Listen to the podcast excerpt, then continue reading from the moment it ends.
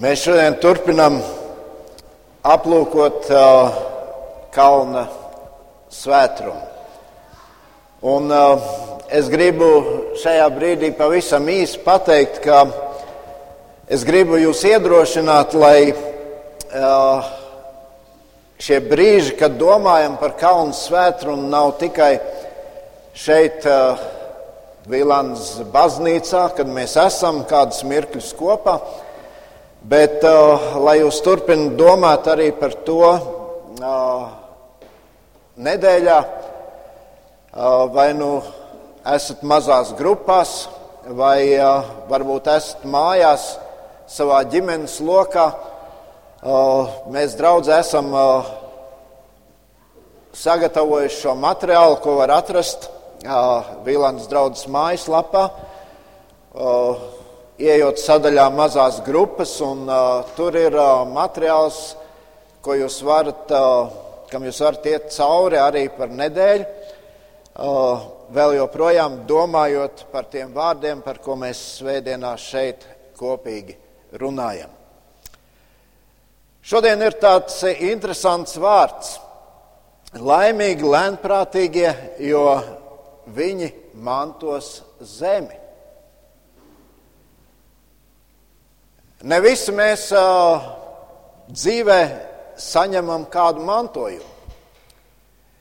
Bet uh, tad, kad mēs runājam par mantojumu Bībeles izpratnē, tad uh, mēs saprotam to, ka Kristus ir parūpējies, lai katrs, kas nāk pie viņa, tiktu svētīts.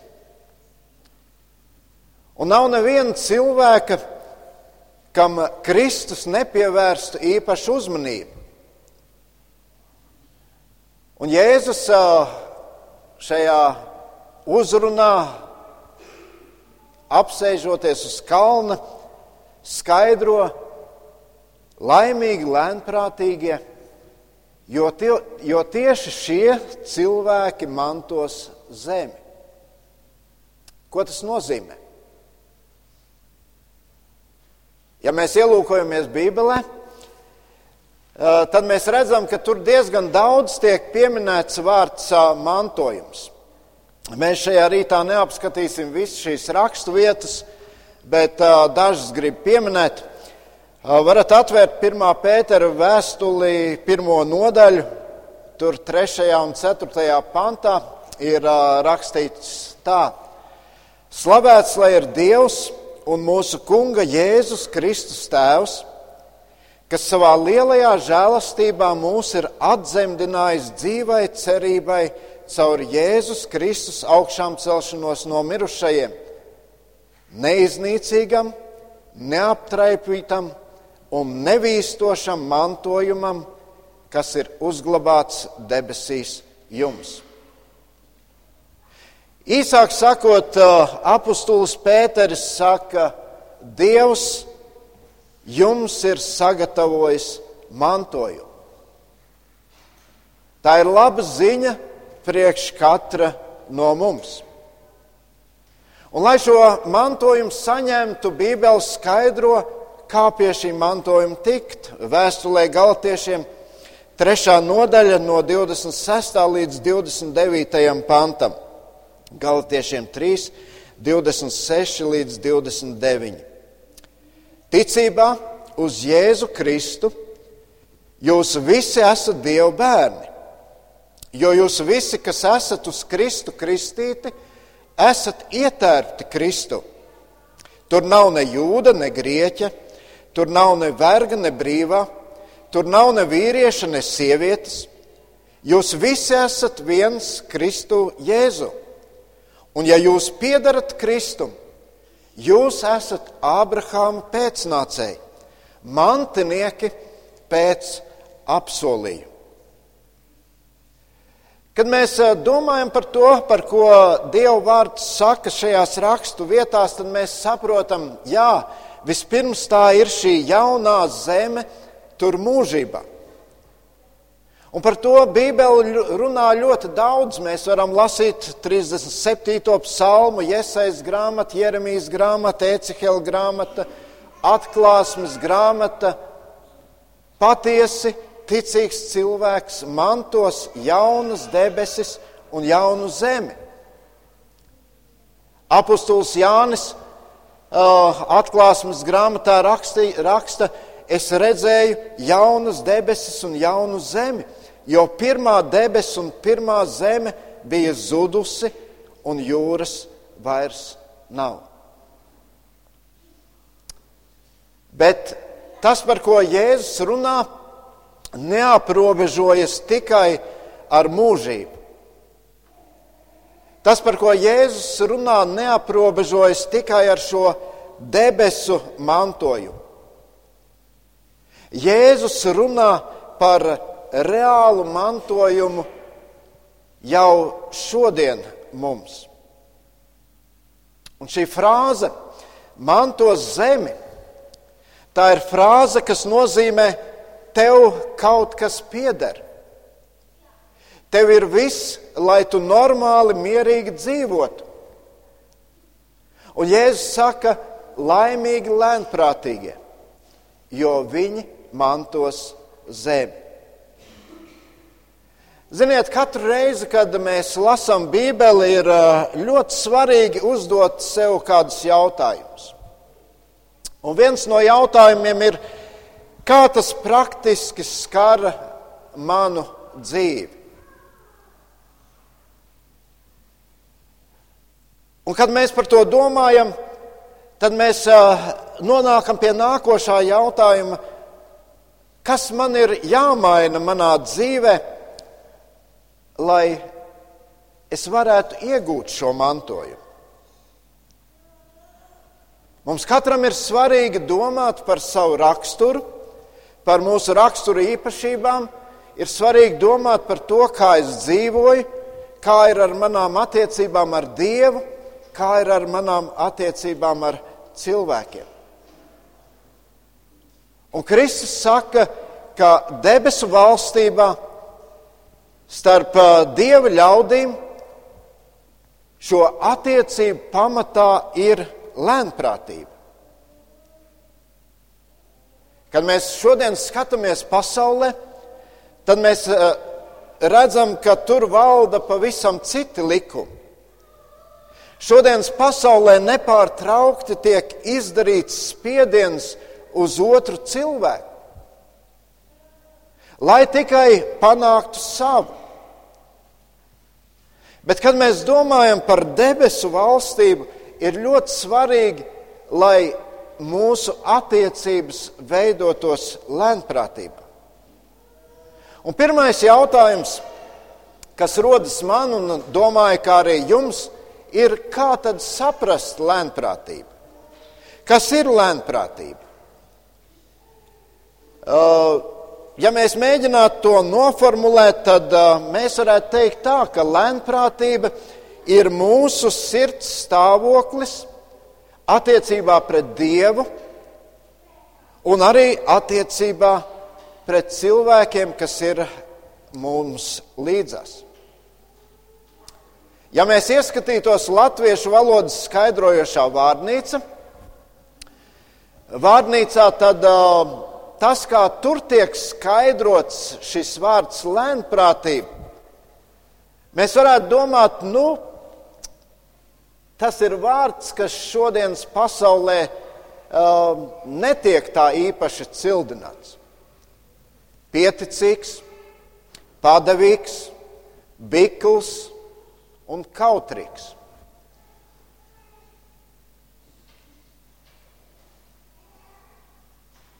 Ja mēs domājam par to, mēs teiktu, nu, ja tev ir šīs īpašības, tu šodien pasaulē neko nevari sasniegt.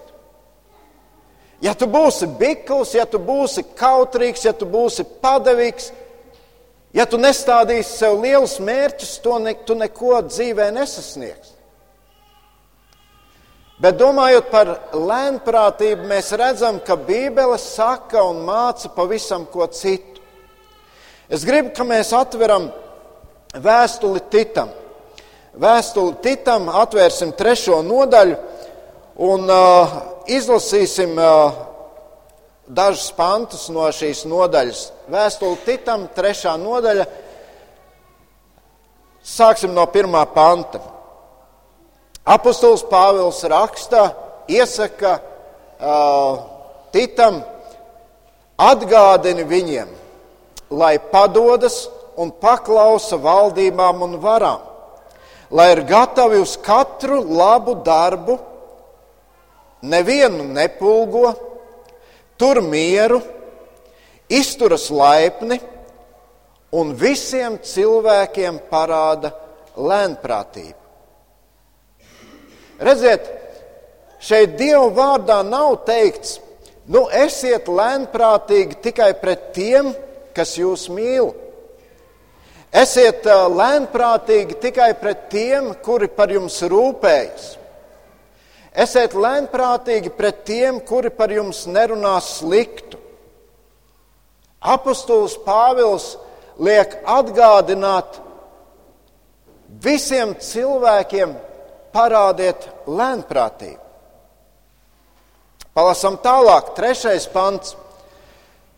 Jo arī mēs kādreiz bijām neprātīgi, nepaklausīgi, maldījāmies, kalpodami dažādām iekārēm un priekiem, dzīvodami ļaunprātībā un skaudībā, ienīsti un citu citu nīzdami.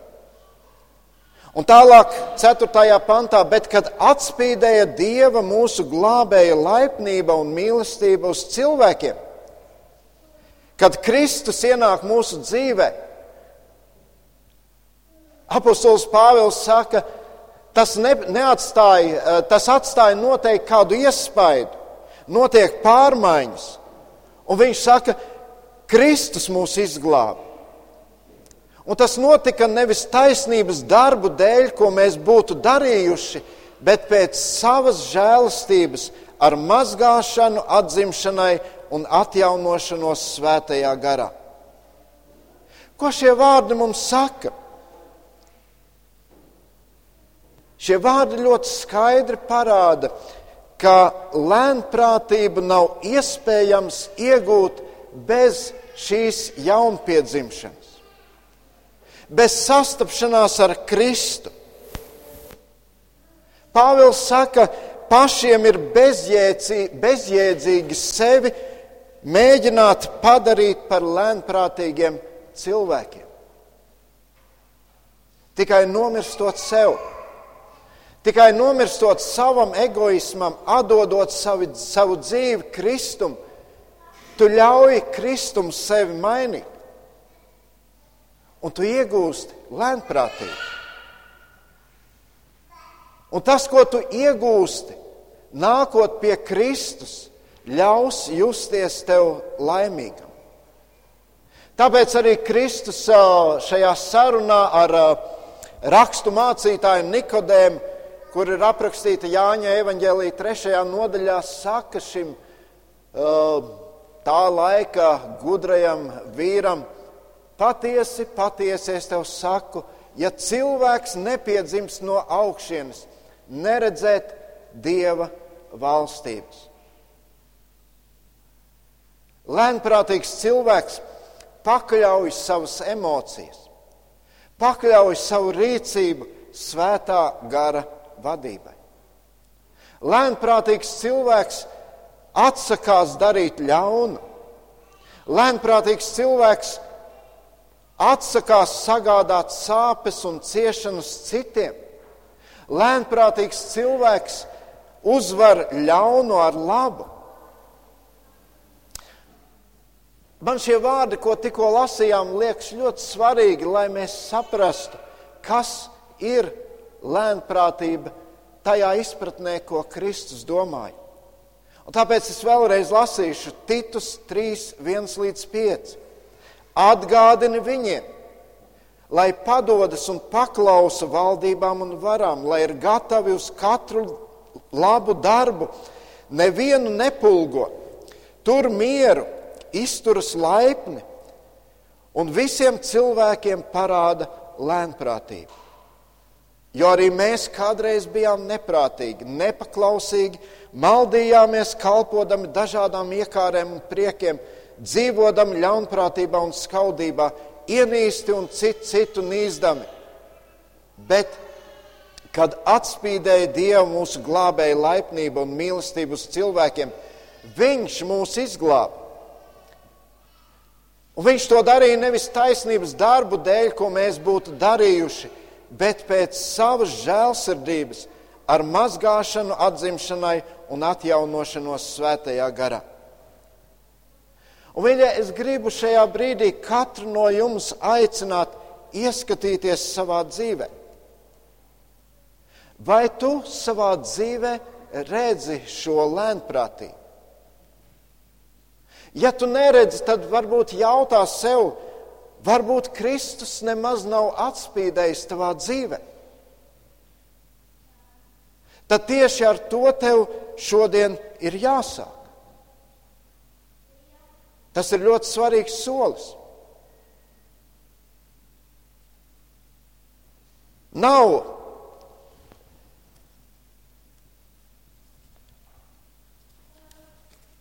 Lēnprātība nav sinonīms vārdam vājš.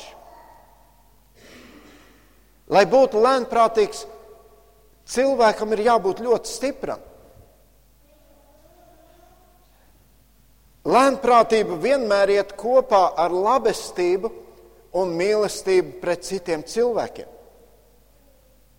Kristus saka, tā jūs pazīs, ka esat mani mācekļi ka jūs mīlat citu citu. Vēstulē Efeziešiem 4. nodaļā 31. un 32. pants. Apostols Pāvils saka, ka viss rūkums, niknums, dusmas, klaigas un zaimi no jums, lai ir tālu prom līdz ar visu citu ļaunumu. Esiet krietni cits pret citu un žēlsirdīgi, piedodiet viens otram, kā Dievs Kristu ir piedevis jums. Pāvils saka, lēnprātību raksturo šī labestīgā un mīlestības pilnā attieksme pret citiem cilvēkiem. Ka tu vairs nedari uh, kādas lietas, ko tu agrāk darīji, jo Lūk, Kristus ir tevi izmainījis. Bet uh, ir vēl kāda svarīga lieta. Uh, lēnprātība nenozīmē to, ka mums vairs nav nekādu principu. Bet lēnprātība ir pārliecība Kristū, nevis sevi. Tā ir pārliecība par Kristus prātu, ko es piepildu. Tā ir pārliecība par to, ka Kristus mani vada un nevairs es. Tā ir šī pārliecība, ka man ir jāpaklausa viņam. Tā ir šī uzticēšanās, ka viņš mani tālāk vadīs. Tā ir šī uzticēšanās Dieva vārdam, Dieva vārda apsolījumiem. Apostols Pāvils saka, ka ļoti interesants vārdus par lēnprātību. Filipiešiem 4,5. Viņš saka, jūsu lēnība, lai kļūst zināma visiem cilvēkiem. Apostols Pāvils īpaši izsver, uzsver, uzsver šo lietu, lēnprātību. Un, ja mēs palasām apakstoļu, apakstoļu vēstules, mēs redzam, ka nevienu citu īpašību, par nevienu citu īpašību viņš tā nerunā. Neizcelt sevi uz cita fona. Tas, ko mēs šodien redzam sabiedrībā, ir, ka lēnprātīgiem cilvēkiem, tā cilvēki domā, ir ļoti grūti iekļauties šodienas dzīves ritmā. Šodien nepārtraukti ir uh, sevi jāpierāda, nepārtraukti uh, to tev prasa pierādīt, ka tu kaut kas esi, ka, ka tu kaut ko vari.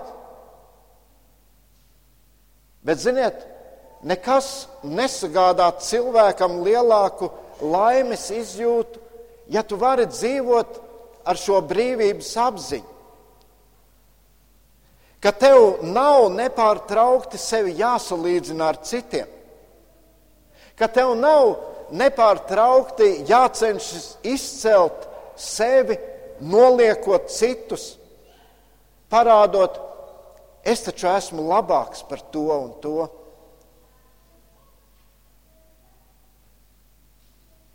Kā iemācīties lēnprātību? Kā iemācīties būt lēnprātīgam? Un te es gribu mazu atkāpi. Šis uh, grieķu vārds uh, praos, jeb lēnprātība, jaunajā derībā ir minēts tikai divas reizes grieķu valodā. Mateja evaņģēlijas 5.5, ko mēs jau lasījām, Un Mateja evaņģēlijas 11. nodaļa 29. pants, kurš skan tā: ņemiet uz sevi manu jūgu, mācieties no manis, jo es esmu lēnprātīgs un no sirds pazemīgs, tad jūs atradīsiet atvieglojumu savām dvēselēm. Bet tā paša vārda sakne, kas ir šis vārds lēnprātīgs, ir arī tur, kur iet runa par pazemību, par maigumu, par uzmanību, par to, kā izturēties saudzīgi pret cilvēkiem. Un ja mēs uh, pameklējam grieķu vārda praus tulkojumu, tad uh, tas tiek tulkots kā mierpilns, kluss, mierīgs, norimis un maigs. Un, ziniet, ir ļoti interesanti, ka Grieķu valodā šis vārds prāvs tiek lietots tad, kad uh, iet runa par uztrenētiem zirgiem.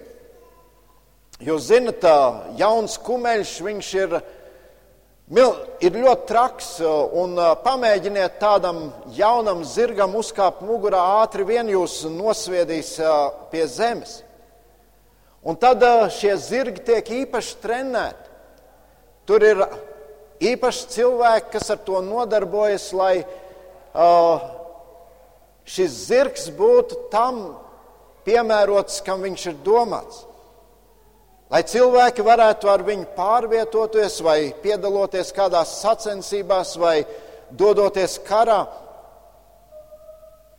Šo vārdu lietoja grieķu valodā tādā nozīmē.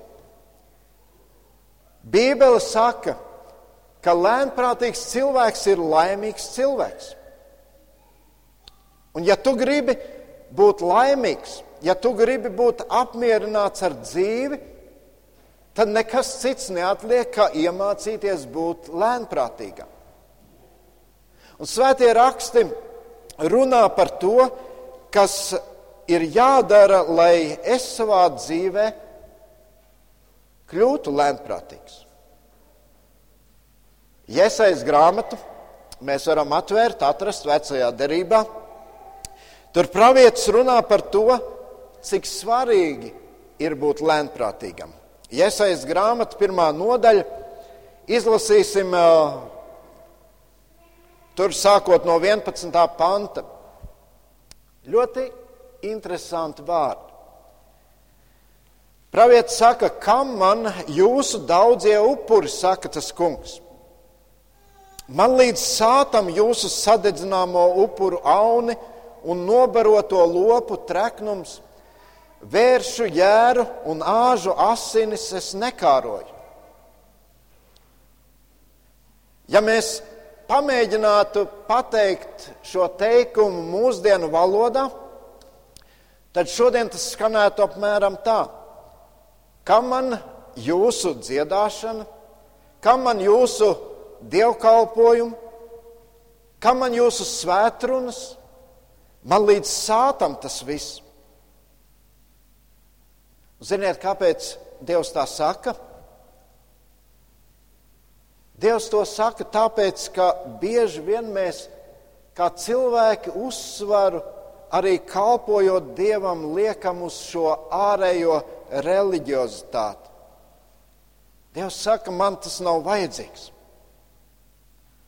Tālāk viņš saka vēl radikālāk, 12. pantā, kad jūs nākat rādīties man, kas no jums to prasa? Dievs saka, es negribu, ka jūs nākat un spēlējat šo teātri. Arī Kristus kādā vietā par to brīdina. Viņš saka, daudzi nāks tajā dienā un sacīs, kungs, kungs, mēs tavā vārdā brīnums darījām. Mēs slimos dziedinājām, bijām tur, un Kristus teiks, es jūs nekad neesmu pazinis.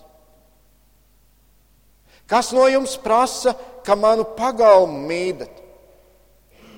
13. pantā nenesiet vairs nevērtas dāvanas, man rieb jūsu kvēpināmais. Jaunu mēnesi, sabatu un sapulces es nevaru ciest, tās ir krāšņas un grēcīgas. Skarbi vārdi, vai ne? Tālāk, 15. pants. Kad pletīsiet rokas, es savas acis no jums paslēpšu Pat ja bez mitas lūksieties, es neklausīšos. Kāpēc? Jūsu rokas asiņu pilnas. O, paldies Dievam! Tas nav par mums, tas nav par mani. Es nevienu neesmu nogalinājis.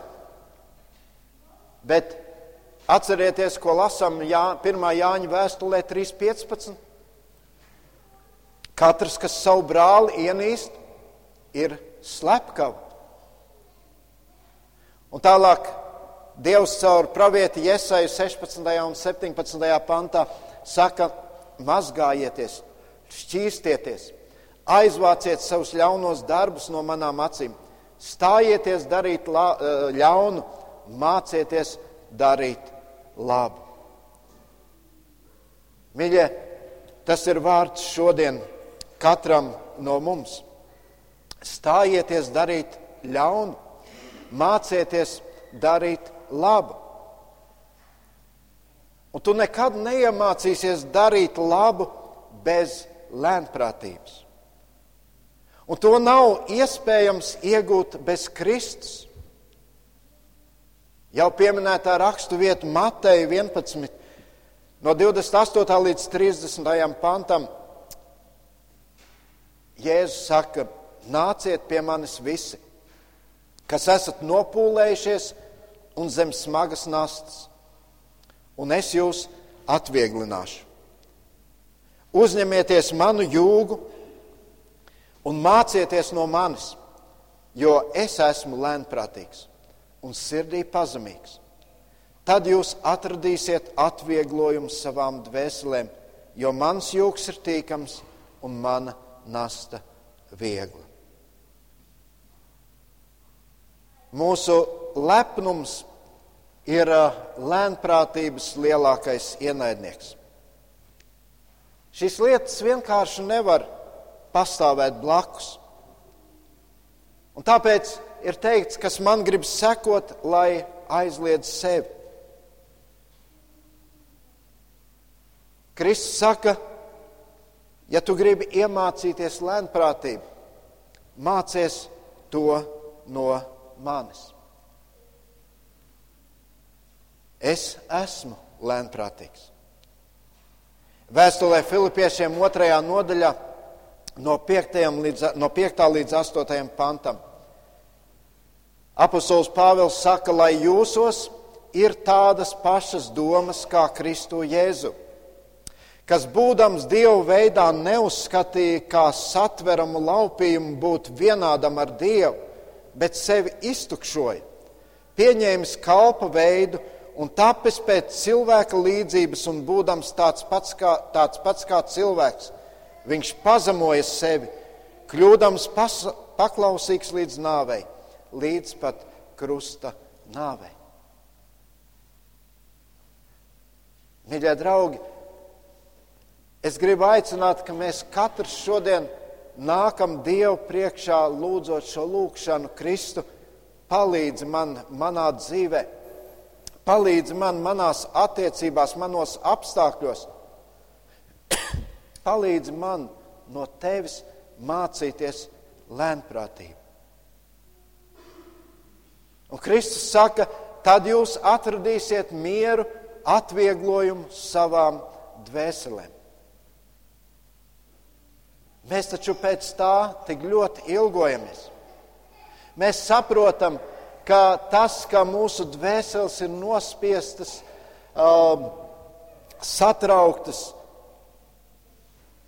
mēs nejūtamies laimīgi. Un bieži vien mēs to meklējam, pagrūžot citus no sava ceļa. Jēzus kļuva par cilvēku, lai parādītu mums šo lēnprātības piemēru. Mēs lasām, kad viņu zākāja, viņš nezākāja pretī. Ciesdams viņš nedraudēja. Mēs zinām, viņš neturēja par negodu mazgāt saviem mācekļiem kājas. Mēs zinām, ka viņš neatgrūda Pēteri pēc tam, kad viņš to aizliedz. Kā viņš to spēja? Viņš bija pilnīgi pakļauts savam tēvam. Viņš bija paklausīgs savam tēvam. Laimīgi lēnprātīgie, jo tie mantos zemi. Lēnprātīgiem kaut kas pieder. Kristus saka, ja tu esi lēnprātīgs, tev ir viss, lai tu normāli, mierīgi dzīvotu un justos laimīgs.